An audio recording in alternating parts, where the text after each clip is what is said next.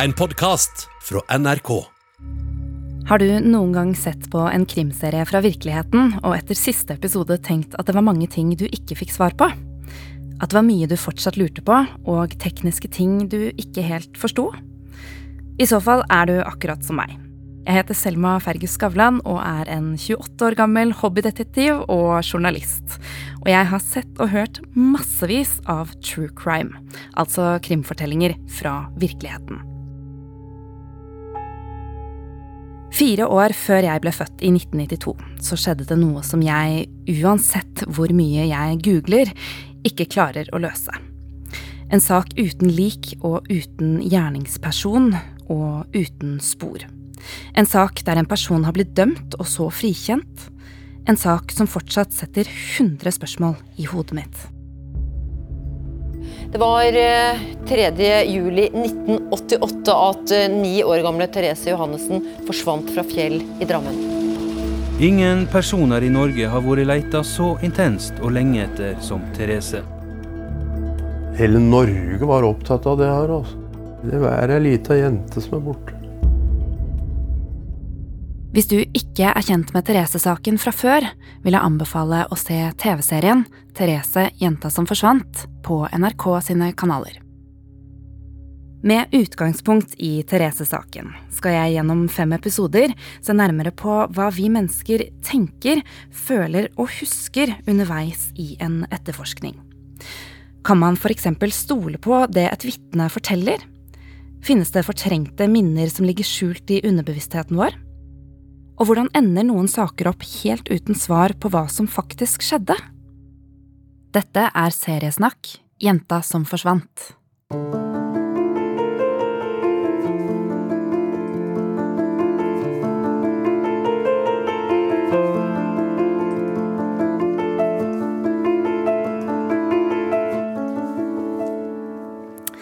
I denne episoden skal det handle om vitner og hukommelse. For hva kan vi egentlig huske?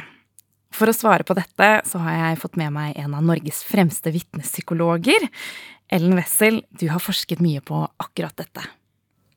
Ja, jeg er vitnepsykolog, og min interesse for dette feltet ble vekket allerede på embetsstudiet, da professor Svein Magnussen med meget engasjerende forelesninger lærte oss at vitner som lyver og husker feil, faktisk kan bli vurdert som så troverdig at politiet tror på de, og man ender med å dømme feil mennesker. I ettertid så har jeg forsket i 13 år på vitnepsykologi. Jeg har også undervist for politiet, dommere, UDI og andre mennesker som vurderer menneskers troverdighet hvor det er relevant. Men jeg har vært mye i retten. Jeg tror det er nesten over 100 saker nå på disse årene. I drabantbyen Fjell i Drammen, der Therese Johannessen forsvant, bodde det i 1988 5000-6000 mennesker. Therese og hennes familie bodde i en høyblokk omgitt av naboblokker med vinduer ut mot hverandre. Mange vinduer. Alle som hadde tilknytning til Fjell, var potensielle vitner i saken, og flere tusen ble avhørt. Noen var inne til avhør flere ganger, og mange var vitne til noe de verken hadde sett eller hørt. Så da må vi begynne med å spørre hva er egentlig et vitne? Et vitne kan være en person som har relevant informasjon for den saken politiet skal etterforske. Og vi tenker jo ofte at øyenvitner er vitner. Men det kan jo være mennesker som ikke har sett den kriminelle hendelsen, som allikevel sitter på helt avgjørende informasjon i saken. Det kan være at du tilfeldigvis har vært i nærheten av der fluktbilen anses for å ha hatt sin fluktvei, og du har sett den. At det kan være viktig. Når så du den? Men det kan også være at du har sett en person eller et ansikt eller en handling som i ettertid viser seg å være veldig viktig for saken. Politiet skal jo etterforske en sak hvor de skal undersøke både en mistenkts skyld, men også uskyld. Det betyr at det er mange, mange vitner som kan bli relevante, f.eks. alibiet til enkelte. I denne saken så ser vi moduskandidater som blir sjekket ut av saken, nettopp fordi de har alibi. Da er det jo alibiet blitt et veldig viktig vitne. Kan ikke du si hva moduskandidater er? Moduskandidater er jo folk man mistenker for å kunne gjøre en kriminell handling. Her er det et lite barn som er bortført, Og da er vi interessert i moduskandidater som kan være interessert i å bortføre barn. Og det var blant uh, vitnene. Men de færreste er jo forberedt på å være vitne. Hvem, hvem er det typiske vitnet? Det er hvem som helst. Det kan være deg. Det kan være selvfølgelig de som har nærhet, og kan ha vært i nærheten av vitnet, blir jo det aller mest interessante. Men, eh, men, det kan vise seg å favne ganske bredt, og her ser vi jo at det er 5000 vitner som man har snakket med i denne saken. Så det bare sier litt om hvor bredt politiet har etterforsket, og hvor mange som kan sitte på interessant informasjon. Så lurte vi på hvor Therese var. Og så leita vi alle steder, vet du. Og vi fant ingen Therese. Og så kom vi ned igjen, så gikk vi to ganger rundt i blomsterkassa. Og så gikk vi hjem igjen. I Therese-saken så var jo det spesielle at flere av vitnene var barn i alderen fem til ni år. Hvor mye kan man stole på det barn forteller? I dag anser vi barn helt ned i treårsalder til å kunne være vitner og fortelle pålitelig om selvopplevde hendelser. Ehm, det var nok ikke det man tenkte på den tiden. Da var ikke barn ansett som så pålitelige. Men det er jo helt avhengig av barnets kognitive utvikling og språkutviklingen. Og da med kognitiv utvikling mener du? Hjernens utvikling. Ja. Og den modnes forskjellig hos barn. Noen er jo superkvikke og har et godt ordforråd allerede i to og et halvt års alder og vil kunne fortelle helt pålitelig som en voksen, mens andre er senere utviklet. Så det, der må man se på utviklingen til barnet. Men eh, her er jo barna fem år rundt der, og ville kunne huske like godt som voksne, faktisk. Mm. Men, eh, men, vi ser litt annerledes på barn den dag i dag som vitner? Ja, det er forsket såpass mye på barn som vitner, og hvor presise og pålitelige de er, men også hvor påvirkbare de er. Så vi vet mer hvordan vi skal snakke med barn for å ikke påvirke dem, for at de skal få så pålitelig informasjon fra barn som mulig. Men ja, nå ser vi at barn absolutt bør lyttes til. Mm. Den kvelden Therese forsvant, så ble det først gjort uformelle avhør av barna på sengekanten. Men de formelle avhørene dokumentert med lydopptak, de gjøres først i august, altså over en måned etter at hun ble borte. Hvilken betydning kan det ha hatt for saken? En måned er lenge. For barn. Og eh, for hukommelsen er eh, ferskvare, og med tiden så glemmer vi. Men aller mest, så kan vi bli påvirket. Og disse barna snakker naturligvis med hverandre om en sånn handling når de får vite i ettertid at hun har forsvant den dagen. Og det kom jo også frem, ikke sant, at de snakket med hverandre, og foreldre snakker med barna sine.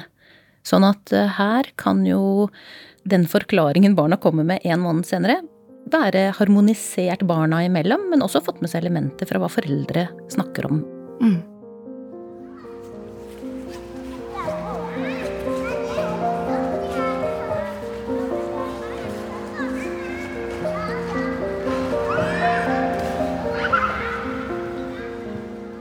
Hva er det vi kan huske med sikkerhet? Det vi husker bedre, i hvert fall. Det er ikke sikkert at eh, det er med sikkerhet. Men det vi husker bedre, er dramatiske hendelser. Fordi da aktiveres eh, flere sanser. Særlig hvis det er en lyd eller en bevegelse, eller det er så dramatisk at du blir redd. Så aktiveres hele dette årvåkenheten vår. Vi blir ekstra oppmerksom. Og da fris det stresshormoner som igjen aktiverer hjernen på en måte som gjør at vi får lagret varige minner. Dette er en overlevningsstrategi for at vi skal unngå farer i ettertid. At det lagres spesielt godt ting som, eh, som er farlig for oss.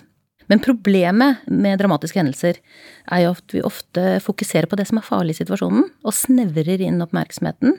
Og at det kan være hull ting vi ikke har fått med oss i det perifere, i det omkringliggende. Og det kan være jo gjenstand for at vi får inn feil informasjon i de hullene. Vi tetter det igjen med noe vi tror.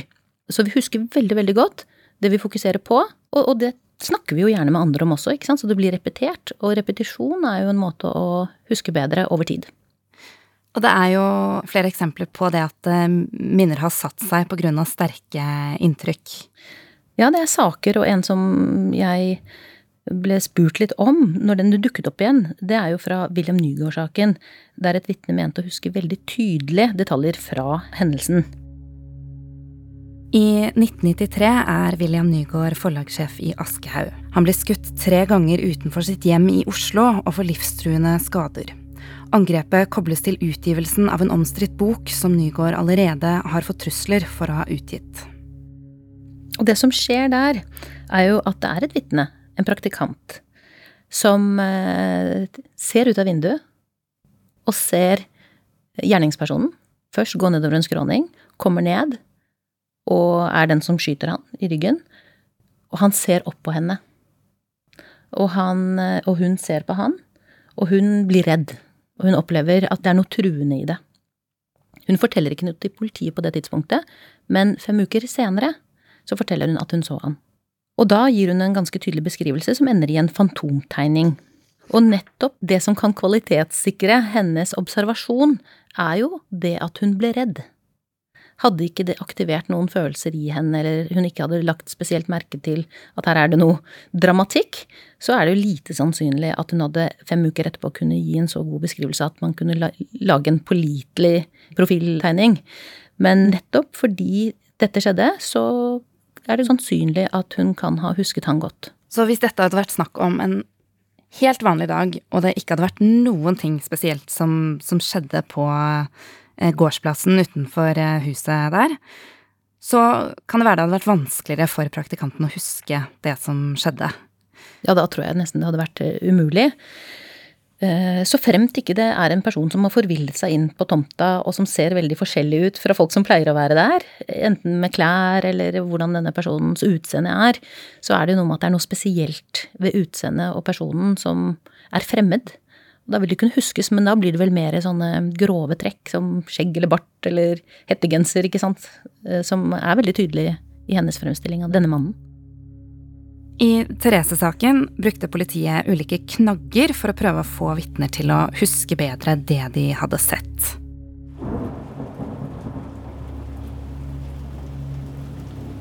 På Fjell den kvelden så kom det et uh, voldsomt styrtregn. Det ble et referansepunkt for folk uh, når de skulle prøve å tidfeste sine egne bevegelser eller observasjoner. Dette er NRK. Vi får Dagsrevyen. Klokka er 19.30. Dagsrevyen den gangen begynte klokka halv åtte om kvelden. Det var et greit referansepunkt eh, for folk. Og så skal vi se på tippekupongen. Strømkose og Mjøndalen spilte fotballkamp. Det var også noe som folk eh, huska. Så Slik kunne vi hjelpe vitnene på vei til å plassere seg sjøl og, og, hva de hadde sett, uh, noenlunde riktig.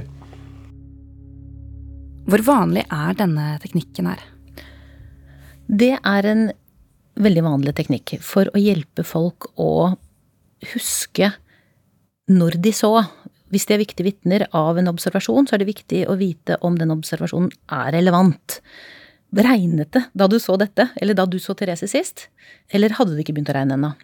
for å rett og slett eh, hjelpe vitnene å huske, men også for å finne ut om de har pålitelig informasjon. Så vi kan bruke referansepunkter som regn eller Dagsrevyen eller eh, denne fotballkampen, ikke sant. Hvor var du da? Og det er jo fordi man ønsker å finne ut mest mulig om tidspunktet Therese sist ble sett. Steder kan også være en veldig god måte å hjelpe de å huske. Hvor sto du da? Hva var det du så? I hvilken retning? Så kan man gå til det punktet, og så kan de se seg rundt. Ja, nei. Jeg var jo under lekestativet eller under tørkestativet. Det var der jeg holdt på. Enten det er barn eller voksne. Så rekonstruksjon er jo sånn sett en veldig god måte å hjelpe deg å huske på. Det fins også andre mentale teknikker på at du skal liksom lukke øynene og se for deg dagen din. Hvordan begynte den? Så dette er, veldig vanlig for å hjelpe folk å huske, særlig de vitnene som ikke nødvendigvis eh, vet at de så noe relevant. Man må bare vite litt om det. Du må tenke i ettertid, ikke sant, og gå tilbake. Så det er en god hjelp til det. Men eh, så er det jo også farer ved å prøve å få folk til å huske. Ja, og det er jo rett og slett at en ledetråd, hvis den er falsk, eller hvis det er informasjon i en ledetråd, så du den røde bilen, ikke sant, så kan jo en rød bil allerede bli plantet som en idé hos en person som ikke har sett den røde bilen. Så prøver man å anstrenge seg for å se den røde bilen, og hvis du da i tillegg blir bedt om å visualisere dette, så kan jo det plutselig komme inn som en del av din forklaring som ikke var der. Så disse ledetrådene bør jo være helt klare holdepunkter som man vet skjedde. Dette pøsregnet vet vi skjedde, og vi vet når det begynte og eventuelt når det sluttet. Sånn at eh, hvis det pøsregn sist man så Therese, så vet vi jo ca. klokkeslettet.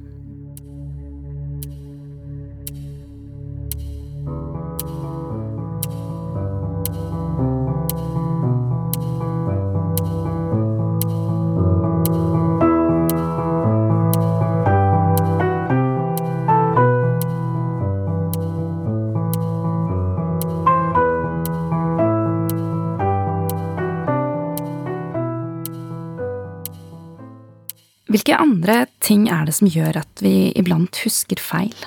Tiden er eh, hukommelsens verste fiende, og med tiden så svekkes alle minner. Og tiden gir også mulighet for at vi kan bli påvirket.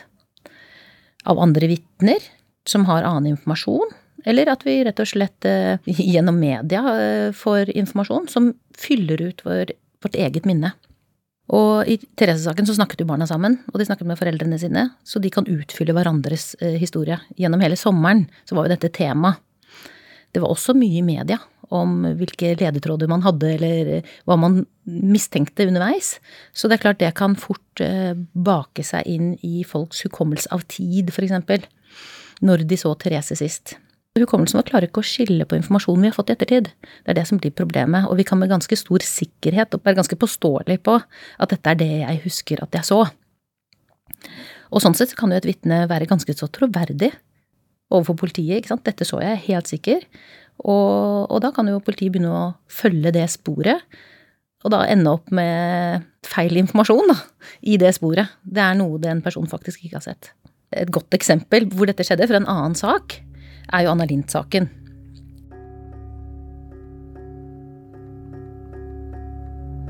I 2003 blir Sveriges utenriksminister Anna Lind knivstukket på et kjøpesenter i Stockholm.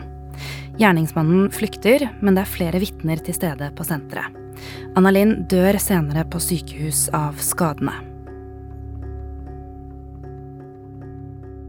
Det som skjer i denne saken, er jo at det er mange vitner som har sett eh, selve drapet, de blir samlet på bakrommet i en sånn lunsjrom og begynner å snakke sammen. I ettertid så er jo en av vitnene som sier, altså da hun avhøres, at liksom alle, alles observasjon ble liksom kastet opp i luften, og etter hvert så, så, ble det også blandet inn i hva jeg selv hadde sett, og vi var ganske enige om det et av vitnene påsto, som var ganske sikker i sin sak, at denne drapsmannen hadde grønn militær kamuflasjejakke. Og politiet rykket jo ut og lette etter denne personen. Og fant han selvfølgelig ikke, inntil de fikk sett eh, kameraovervåkning som viste at han hadde grønne bukser og en grå hettegenser. Etter saker som denne så har jo politiet blitt mer oppmerksomme på akkurat det å ikke la vitner snakke sammen før de skal avhøres. For det skjer så fort. Og de kan bli ganske sikre på at de har sett det de ikke har sett, faktisk. Påvirkning fra andre kan jo gjøre at et vitne begynner å tvile på om han eller hun husker riktig. I Therese-saken så skjer dette med et av vitnene som skal ha vært den siste som så Therese. I den lokale kiosken på Fjell jobbet det nemlig en jente på 15 år. Når det gjelder hun eh, unge ekspeditøren, så ble hun selvfølgelig avhørt mange ganger seinere. Fordi etter hvert som etterforskninga gikk, så passa det egentlig dårlig at hun hadde sett at Therese gikk ned trappa. Så etter eh, mange måneder så endra hun forklaring og sa at eh, da må ha gått over gangveien. Hvorfor endrer hun forklaring? Hun endrer nok forklaring fordi hun til slutt opplever at uh, politiet kanskje ikke er fornøyd, da, eller helt sikre på De tviler jo litt på om det hun sier uh, er riktig, at Therese gikk ned denne trappen. De har jo begynt å tenke i den retning at hun har vært to ganger i butikken denne dagen, og uh, betviler jo tydeligvis at hun har gått ned trappen den siste gangen hun var i butikken, at hun har gått over gangstien. Så de begynner vel å utfordre henne på dette, og etterforskeren sier jo selv at vi var, vi var jo ganske på, pågående. Og det er klart at en pågående politietterforsker og en usikker 15-åring vil kunne endre sin forklaring, selv om hun i utgangspunktet var skråsikker. Og med det resultat at uh, vi kan jo være usikre på hva, hva var det egentlig hun så? For hvis det er sånn at hun var helt sikker på at hun forsvant ned trappen, så kan det hende at det er et viktig spor man ikke følger, ved at si at det står en bil og plukker henne opp og kjører av gårde ut bakveien, ved at de da er så påståelige på at hun går over denne gangbroen. De fleste vitner ønsker å hjelpe, de ønsker å bidra til en sak. Og vi ser jo det at eh, pågående avhørere kan jo være med på å gjøre et vitne usikkert. Og når vi blir usikre på egen hukommelse, så kan vi bli lettere påvirket og endre forklaring. Og det kan godt hende at det er det som skjer i denne saken. Ja, for det er veldig mange fallgruver eh, som spesielt har med vitners hukommelse å gjøre. Og i verste fall så vet vi at folk kan bli feildømt. Ja, og det er jo absolutt ille når det kan skje. En ting er jo at etterforskningen kan gå i feil spor, at vi blir helt eh, får tunnelsyn fordi vi eh, tror blindt på en eh, vitneobservasjon.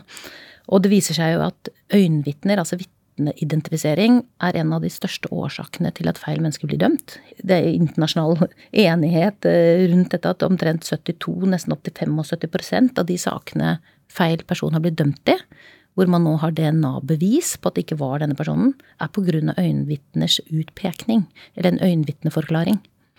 Sånn at uh, våre observasjoner er uh, upålitelige i så stor grad at uh, det er lurt å dobbeltsjekke opp mot andre bevis i saken og andre vitners observasjon.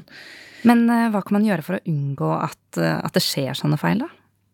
Etterforskningen bør være helhetlig, altså bred, objektiv.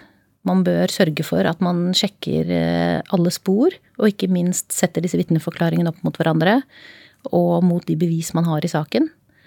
I dag har vi avhørsteknikker og etterforskningsmetoder som sikrer så pålitelig informasjon som mulig. Vi har jo også en helt annen teknologi, selvfølgelig, som kan eh, dobbeltsjekke folks bevegelser og ja, de hadde kvittering, da, fra kiosken, ikke sant. Det var det man hadde den gangen. Så, så, det er jo en helt annen verden i dag. Men også disse etterforskningsmetodene. Vi vet at vi ikke skal være Altså avhørerne skal være pågående. De skal ikke stille ledende spørsmål, de skal ha åpne spørsmål. Og fasilitere mye mer. Sånn at vi har rett og slett bedre metodikk i dag, altså.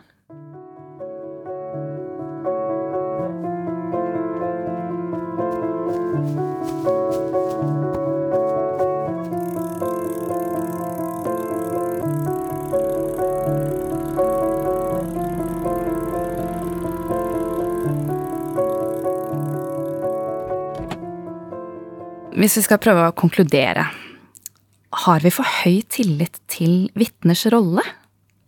Kanskje. Altså gitt vitners observasjonsevne og hukommelses eh, manglende pålitelighet, eller presishet, så kan det godt hende at vi tenker at et vitne kan være viktigere enn det er.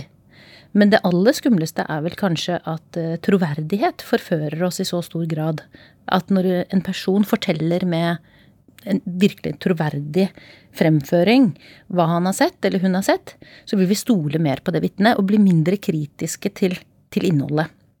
Og sånn sett så får vi mer tillit til mennesker vi har, øh, opplever troverdig. I denne saken så er det jo denne jenta i kiosken på 15. Hun er jo også et barn. På den tiden kan det hende at man hadde mindre tillit til hennes øh, utsagn. Og dermed ikke vurdert henne så troverdig.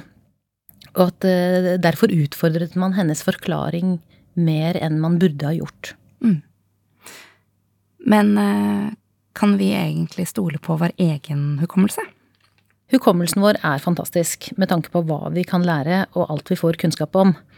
Så at hukommelsen redigeres hele tiden, gjør jo ikke at vi ikke skal kunne stole på hva vi husker om livet vårt.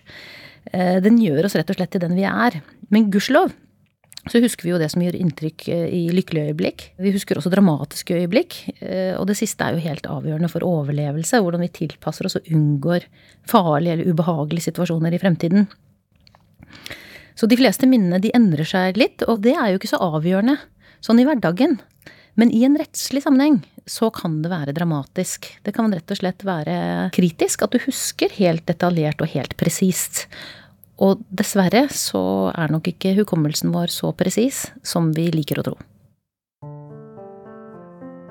Jeg har fått mange gode svar, men også mange nye spørsmål.